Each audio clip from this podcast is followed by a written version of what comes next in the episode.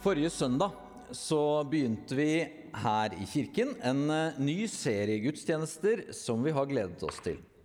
Denne serien tar utgangspunkt i noe som skjedde, det som var en helt vanlig dag klokken tre på ettermiddagen, vet vi til og med at det var.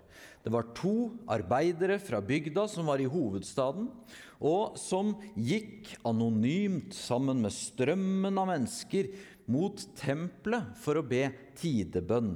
Altså be salmene i det som for oss er Det gamle testamentet i Bibelen. Og de aller fleste i denne kulturen på denne tiden gjorde det sånn.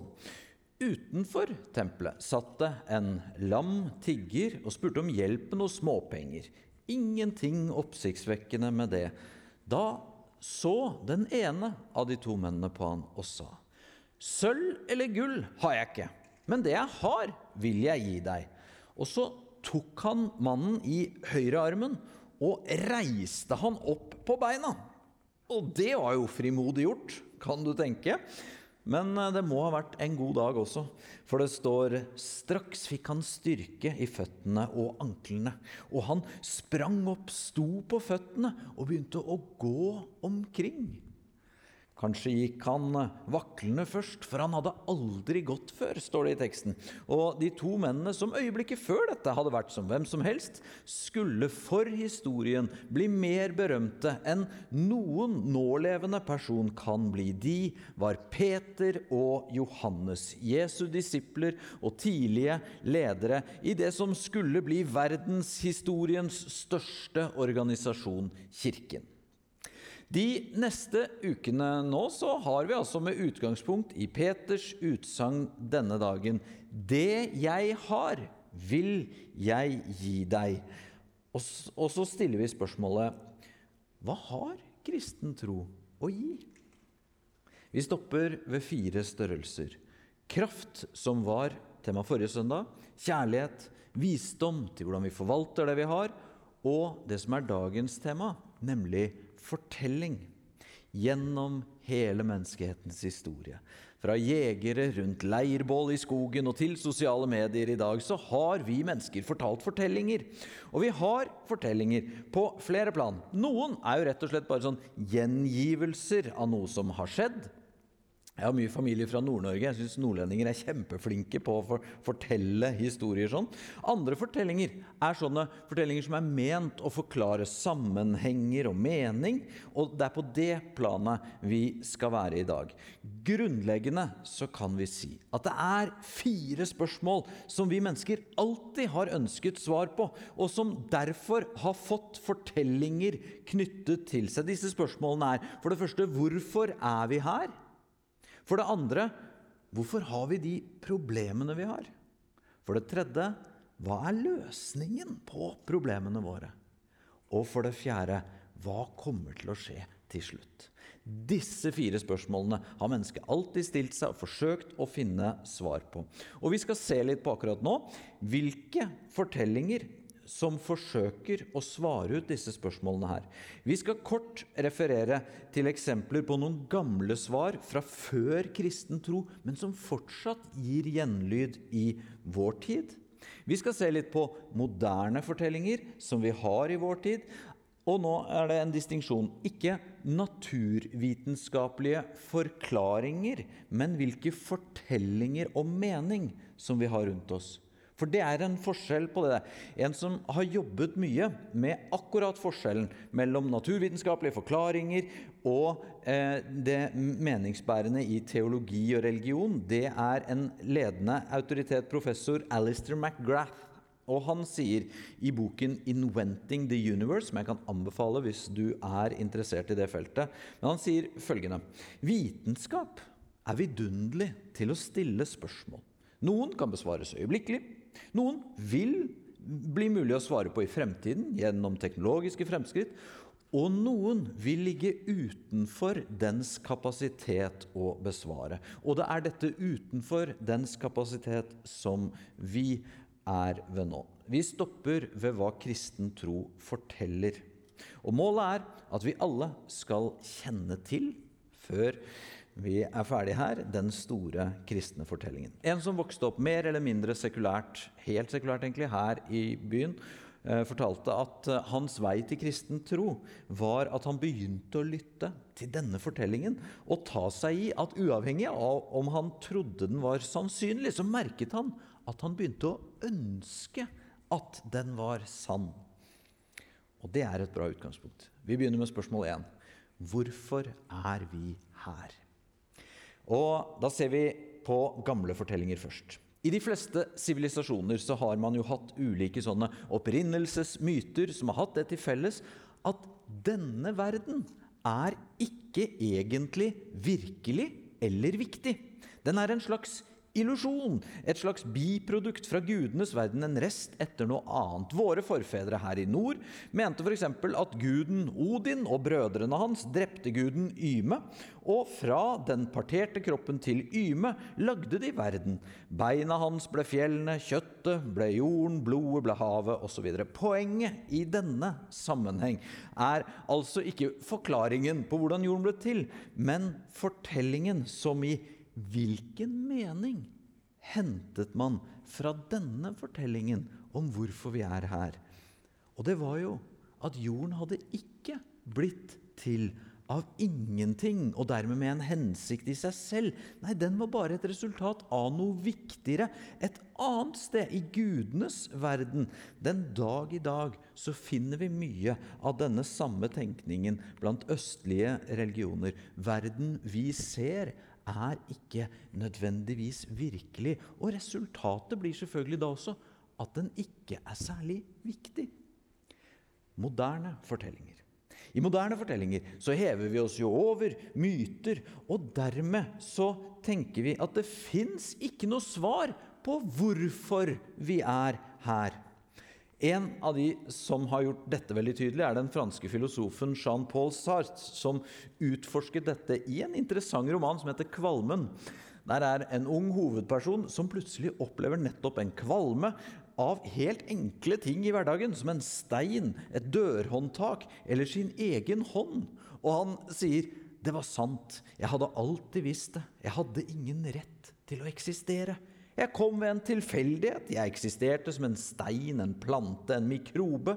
Og litt senere i boken sier han jeg tenkte her er vi. Vi spiser og drikker for å opprettholde vår dyrebare eksistens. Og det er ingen, ingen, absolutt ingen grunn for å eksistere. I den moderne fortellingen er altså alt tilfeldig, og alle må skape sin egen mening. Konsekvensen blir jo uunngåelig at det kan bli et ganske tynt hvorfor vi er her. Og hvis vårt hvorfor i livet er svakt, så kan det bli vanskelig for oss å tåle det når livet blir tungt å bære. Eller som Nietzsche sa det Den som har et hvorfor å leve for, kan tåle nesten ethvert hvordan. En som har hatt utgangspunkt i denne tesen til Nietzsche, er den østerrikske psykologen Viktor Frankel. Han satt i konsentrasjonsleir under andre verdenskrig som psykolog, og han observerte hva som skjedde med sine medfanger i de umenneskelige situasjonene. Og han skrev under på det Nietzsche sa der. Så hva sier den kristne fortellingen? Grunnleggende så sier kristen tro de veldige ordene som eh, leses og proklameres i synagoger og kirker gjennom hele historien. I begynnelsen skapte Gud himmelen og jorden. I motsetning til de gamle opprinnelsesfortellingene som sa at eh, det ble skapt bare av noe annet, så sier kristen tro at Gud skapte av ingenting. Fordi denne verden, dette livet her, var det han ville skape. Så livet er ikke en tilfeldighet eller noe uviktig bare på vei til noe annet. Og mot den moderne fortellingen om meningsløshet så står den kristne fortellingen om skapelse og sier Gud så all, på alt det han hadde gjort, og se, det var svært godt. Den kristne fortellingen er et kjempestort ja til å omfavne hele livet, alt det gode, spennende, morsomme, fine og krevende på en god måte som omgir oss. Jeg har f.eks. vært en sånn som har tenkt at eh, det var mye mat jeg ikke likte da jeg var ung. og Jeg er fortsatt litt kjip og kan rygge litt hvis det blir for mye hvitløk i ting. Ikke hør meg feil, og du må selvfølgelig spise hva du vil som en kristen, men fra det her perspektivet her så er det litt dårlig skapelsesteologi, for å bruke et fagord på det. Altså det her å ikke legge merke til hvor utrolig fint det kan være nå på høsten. Hvor mye god ost som fins. Hvor mange fantastiske bøker og musikk som er skrevet. Det, det er litt å ikke omfavne den denne fortellingen om at Gud har skapt verden. Helt unødvendig, sløsete, mangfoldig og nydelig. Så det å virkelig omfavne, det er en god holdning ut fra dette her. Så vi har alltid spurt oss hvorfor er vi her? Og den kristne fortellingen sier at Gud har skapt livet og verden. Gud ville den, og Gud er fornøyd med det han har skapt. Da kommer vi til neste spørsmål. Hvorfor har vi de problemene vi har? I de gamle fortellingene først. Der levde menneskene i en veldig mørk verden.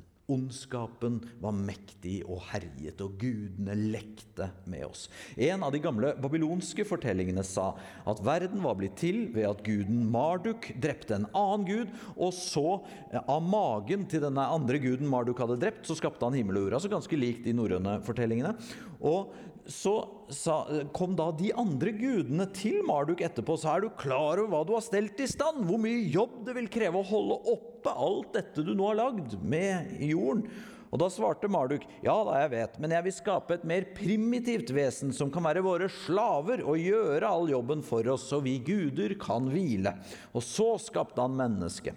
Så livet, det var herlig som laverestående slave for gudene. Poenget fra denne historien gir fortsatt gjenlyd i vår tid med tanken om at livet er dømt til å være en eneste lang rekke vanskeligheter. Gamle fortellinger. Moderne fortellinger. Så sier vi at problemene vi har rundt oss, er nesten aldri vår egen feil. Vi blir fortalt at hvis vi bare hadde hatt bedre ordninger og systemer rundt oss, da hadde det gått bra, da. Eller at problemet er at min politiker, min gruppe mennesker, får ikke bestemme nok. Det er de andre som er problemet. Litt mer filosofisk, siden verden ikke har noen mening eller hensikt, eller hvis det ikke fins noen Gud, så er problemene dine rett og slett bare uflaks. Ikke så rart i denne fortellingen at vi blir ganske dårlige på å si unnskyld. Vi sier heller sånn 'Beklager hvis du følte eller syns at jeg gjorde noe feil.' For problemene er ofte utenfor meg. Den kristne fortellingen om problemene vi har, er annerledes. Fra det deilige utgangspunktet med at alt var skapt godt, så kom pultost og tekno. Nei da. Men det står at Gud lot det være et tre i den første hagen som menneskene skulle la stå urørt. Og I fortellingen så representerte dette treet menneskets evige mulighet til å velge bort det å følge Guds veiledning og bud til oss. En sånn exit-klausul for å kunne si at 'jeg vil ikke lenger la Gud være autoritet over meg', 'jeg vil bestemme selv'. Og det står nå fikk kvinnen se at treet var godt å spise og en lyst for øyet, et forlokkende tre, siden det kunne gi innsikt. Så tok hun av frukten og spiste. Hun ga oss til mannen sin, som var sammen med henne, og han spiste. Og det samme har du og jeg gjort også. For det er ikke sant om meg at mine problemer bare skyldes andre. Eller at det bare kommer at jeg ikke har vært 110 meg selv, eh, fulgt hjertet mitt hele tiden. Faktisk er det tvert imot. Det er jeg som har gjort feil. Det er jeg som har sett ned på andre, baksnakket, vært grådig. Jeg, ikke politikere eller media.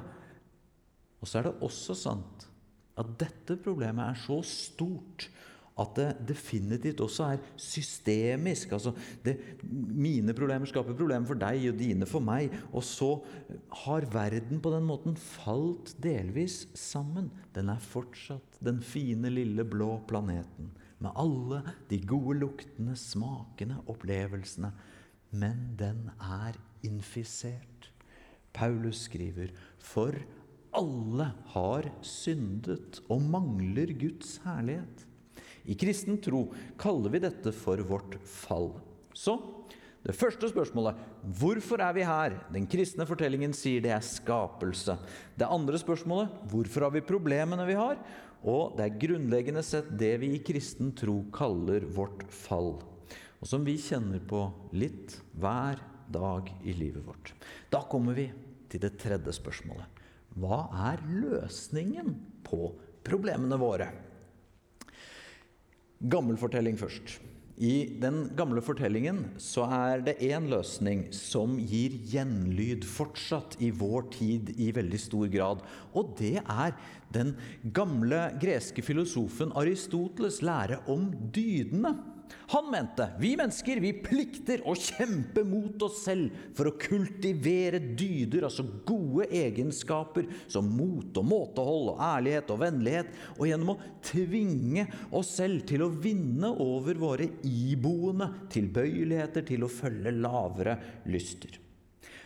Moderne fortellinger kan definitivt ha et ekko av Aristoteles i seg. Sånn lykkes du med å gå ned i vekt, eller sånn får du det fineste interiør hjemme, eller høyest pensjon, eller noe sånt.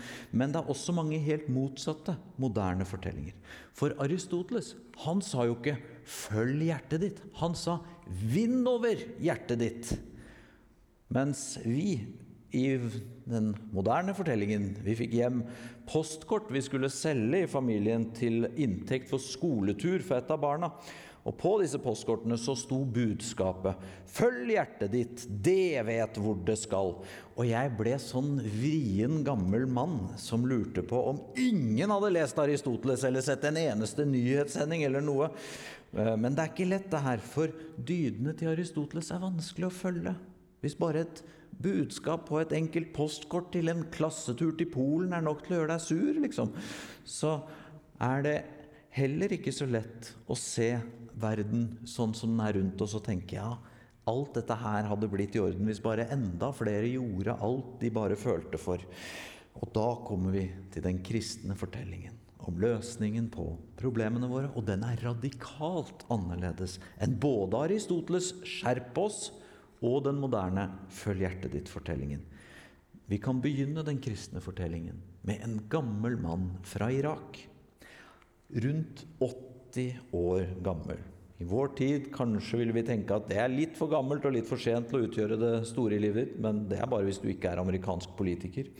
Eh, og han eh, var ble Pga. det han gjorde fra han var ca. 80 år utover, en av de største skikkelsene i både den jødiske og den kristne tradisjonen. Dette er nemlig Abraham.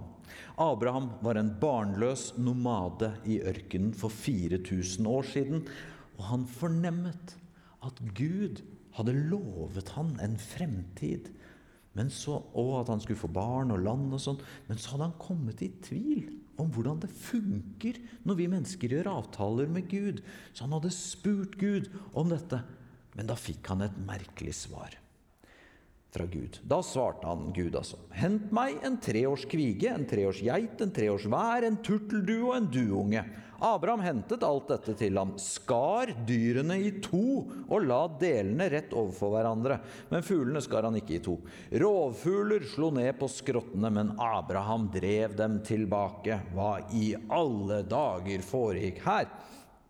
I sommer kom det en selger hjem til oss eh, fra Telenor og solgte fiberbredbånd. At vi kunne få lagt inn det. Og etter å ha hørt om det, så sa jeg ja til det. Og da eh, han selgeren han sendte meg da en kontrakt fra en iPad han hadde, til min mail, så måtte jeg svare bekreftende på den. Hva tror du hadde skjedd med stemningen utenfor huset hjemme hvis på det punktet jeg sa ja til fibernett, hvis han selgeren da hadde dratt fram en sau, f.eks., eller en geit, og en kniv, og begynt å dele den sauen på langs, på midten, lagt delene på hver sin side på gårdsplassen hos meg, og så sagt ja, ok, nå skal vi bare gå imellom disse delene av denne sauen her og love at hvis en av oss bryter denne avtalen om fiberinternett, så må det gå med oss som med denne sauen. Jeg hadde gått for alt i boks i stedet. Eh, vi inngår ikke avtaler sånn lenger, men det her De første leserne og tilhørerne, de skjønte at det var jo det Abraham og Gud drev med her. Fordi når man skulle inngå en viktig avtale, så forteller historikerne at Særlig hvis det var i et asymmetrisk maktforhold, altså hvis det var en konge og en beseiret, en herre og en tjener som skulle inngå en avtale, så var det vanlig at man delte dyr. Og så måtte den som var lavest i rang, den som var underordnet, den måtte gå mellom dyrene og love hvis jeg bryter avtalen vi har inngått nå, må det gå med meg som disse dyrene. Begge kunne gå mellom, men den laverestående måtte alltid gå imellom og forplikte seg på konsekvensene hvis noen brøt avtalen. Og hva skjedde med Abraham og Gud i ørkenen når de skulle inngå en avtale eller pakt? Jo, det står Solen gikk ned, og det ble mørkt. Og se, en rykende ovn kom til syne, og en flammende fakkel for mellom kjøttstykkene. Den dagen sluttet Herren en pakt med Abraham. Det her det er kanskje litt kryptisk beskrevet, men det betyr at det var Gud som gikk mellom kjøttstykkene denne kvelden. Og der avsløres Guds uendelig annerledes måte å møte våre problemer på. Han sa ikke 'Skjerp deg, Abraham, lev opp til dydene'. Eller trakk på skuldrene og sa 'Bare følg hjertet ditt, Abraham. Det viktigste er at du er tro mot deg selv'. Eller noe sånt. Nei, Gud gikk selv mellom kjøttstykkene. Han trengte ikke. Det var ikke hans skyld at Abraham og alle vi andre mennesker ødelegger så mye. Likevel gikk han. Og i tillegg Abraham gikk ikke. Gud sier om noen svikter her, om noen går seg bort og ødelegger, la det gå utover meg. Og 2000 år etterpå så var det akkurat det som skjedde. Igjen var det Gud som gikk alene. Ikke mellom kjøttstykkene, men opp til den lave, fryktede Golgata-høyden. Og alene hang Jesus, Guds sønn, på korset der. Uskyldig ble han rammet av alle forbannelser og alle konsekvenser av våre dårlige valg. Uskyldig smakte han døden og dødens konsekvenser, for sånn løser Gud våre problemer. Han gikk alene mellom kjøttstykkene den dagen på fjellet med Abraham og viste oss at hans avtaler med oss, de skal ikke ikke avhenge av om vi klarer å leve opp til dydene våre eller følge vårt eget ofte så bortkomne hjerte. I stedet løste han vårt problem selv. Og fra dette ordet så kommer eh, eller fra denne fortellingen kommer ordet som bare gir fullstendig mening innenfor rammen av den kristne fortellingen, nemlig nåde. At vi fikk den løsningen som vi ikke fortjente. Under krigen satt eh, forfatter Ronald Fangen på Grini fangeleir her i Bærum. Da han skulle slippes fri, så sa daværende Oslo-biskop Eivind Berggrav eh, at han ville møte Ronald Fangen på stigtrinnet ut til friheten. Og som det første biskopen sa til Ronald Fangen da han kom ut fra Grini, det var 'holdt troen'. Da svarte Ronald Fangen nei, den holdt ikke, den brast. Så så han på biskopen og la til. Men Jesus holdt. Derfor kunne Peter, han årevis etter denne dagen vi begynte med, når han hadde vært så frimodig og reist denne lamme utenfor tempelet Peter kunne skrive på den måten her når han skrev brev. På sin egen kropp bar han våre synder opp på treet, korset. Så vi skulle dø bort fra syndene våre og leve for rettferdigheten. Ved hans sår ble dere helbredet. Ved hans sår ble vårt problem løst. Så det første spørsmålet var hvorfor er vi her? Og den kristne fortellingen sier at vi er skapt Det andre spørsmålet er hvorfor har vi problemene vi har? Og den kristne fortellingen sier vi har falt.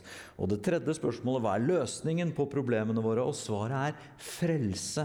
At vi får ta imot og bli reddet. Helt ufortjent. Da kommer vi til det siste store spørsmålet. Hva kommer til å skje til slutt? Hvor er vi egentlig på vei? I hvilken fortelling om fremtiden lever vi?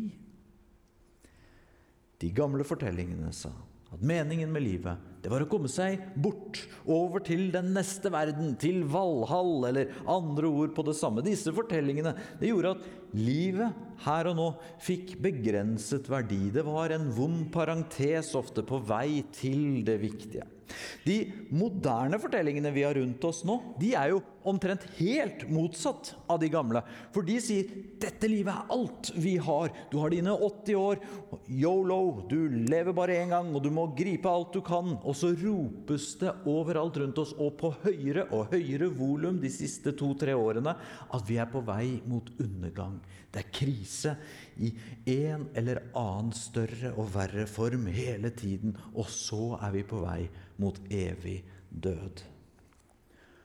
Mot begge disse fortellingene så står den kristne fortellingen og sier at verden igjen skal bli sånn som den var ment fra skapelsen. Kristen tro sier vi forholder oss til Jesus i tre tider. Først at Jesus kom. Julen for 2000 år siden var tidenes jul, selv om den manglet omtrent alt du og jeg liker med jul ellers. Men det forandret verden for alltid. Inkarnasjonen, at Gud ble menneske gjennom Jesus Kristus. Gud kom til vår verden. Den andre tiden vi forholder oss til Jesus, er at Jesus kommer her og nå. Han er rundt oss hele tiden her, når vi samles i navnet hans, ber til han, eller når vi er alene, hvor vi er. Jesus kommer i vår virkelighet her og nå. Den tredje formen og tiden vi forholder oss til Jesus, er at Jesus kommer igjen. Når Guds rike, som vi fikk demonstrert da Jesus kom den første julen, som vi får prøvesmaker på her og nå, når eh, vi fornemmer at Jesus er her, når det kommer helt, når vi får se fullt ut det som vi her bare ser sånn skygger av Paulus beskriver det her sånn. Nå ser vi som i et speil i en gåte. Da ser vi ikke mye, altså. Da skal vi se ansikt til ansikt. Nå forstår vi stykkevis glimt. Da skal jeg erkjenne fullt ut, slik Gud kjenner meg fullt ut. Så en dag skal alt gjenopprettes. Og vi skal gå inn i den festen som Gud inviterer oss til. Den som profeten i Det gamle testamentet så glimt av, og som forfatteren i Det nye testamentet også så Jesajas glimt av det vi er på vei til, beskriver han sånn. På dette fjellet skal Herren over hærskarene gjøre i stand for alle folk et festmåltid med fete retter. Et festmåltid med gammel vin. Med fete, margfulle retter og gammel, klaret vin. Så for å oppsummere. Peter sa, 'Det jeg har, vil jeg gi'. Og kristen tro har så mye å gi oss alle. Og en av de tingene er altså en mye bedre fortelling å leve i enn både de gamle fortellingene og de moderne fortellingene. Så hvorfor er vi her? Den gode fortellingen du kan få leve i, er at vi er skapt, villet av Gud. Men hvorfor har vi problemene vi har? Vi kan skylde på veldig mye rundt oss, men det er sant om oss at vi har falt. Alle sammen har vi tenkt og sagt og gjort det vi ikke burde gjøre. Og andre har gjort det mot oss. Hva er løsningen på problemene våre? Vi klarer ikke å løse det selv, selv om vi prøver. Men ved Guds nåde får vi ta imot frelse gjennom Jesus Kristus. Guds aktive handling for å redde oss.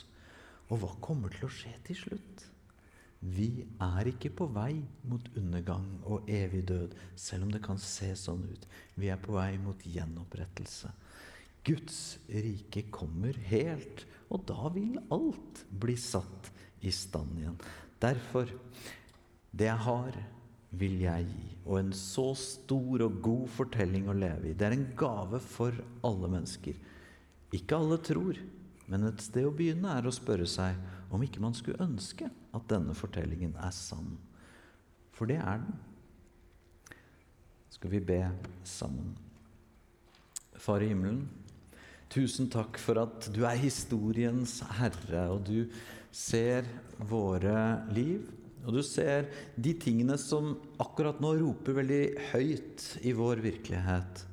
Det som eh, ser liksom alt dominerende ut, enten noe vi er redde for, noe vi er sinte for, eller noe vi, som styrer oss, som vi tror at hvis jeg bare får det, så vil alt annet være bra i livet. Takk for at du inviterer oss inn i din store fortelling. At den får bære mye, mye større enn alle disse andre tingene vi har i livet, som kan være både gode og dårlige. Kom, Hellige Ånd og gi øynene i hjertet vårt lys, så vi ser dette lyset som skinner fra evangeliet, og får forme vårt liv ut fra det. I Jesu navn. Amen. Du har nå hørt en podkast fra Filadelfia-kirken i Oslo. Vil du vite mer om oss, gå inn på filadelfia.no. Og ikke minst velkommen til å feire gudstjenester med oss hver eneste søndag, enten fysisk eller online.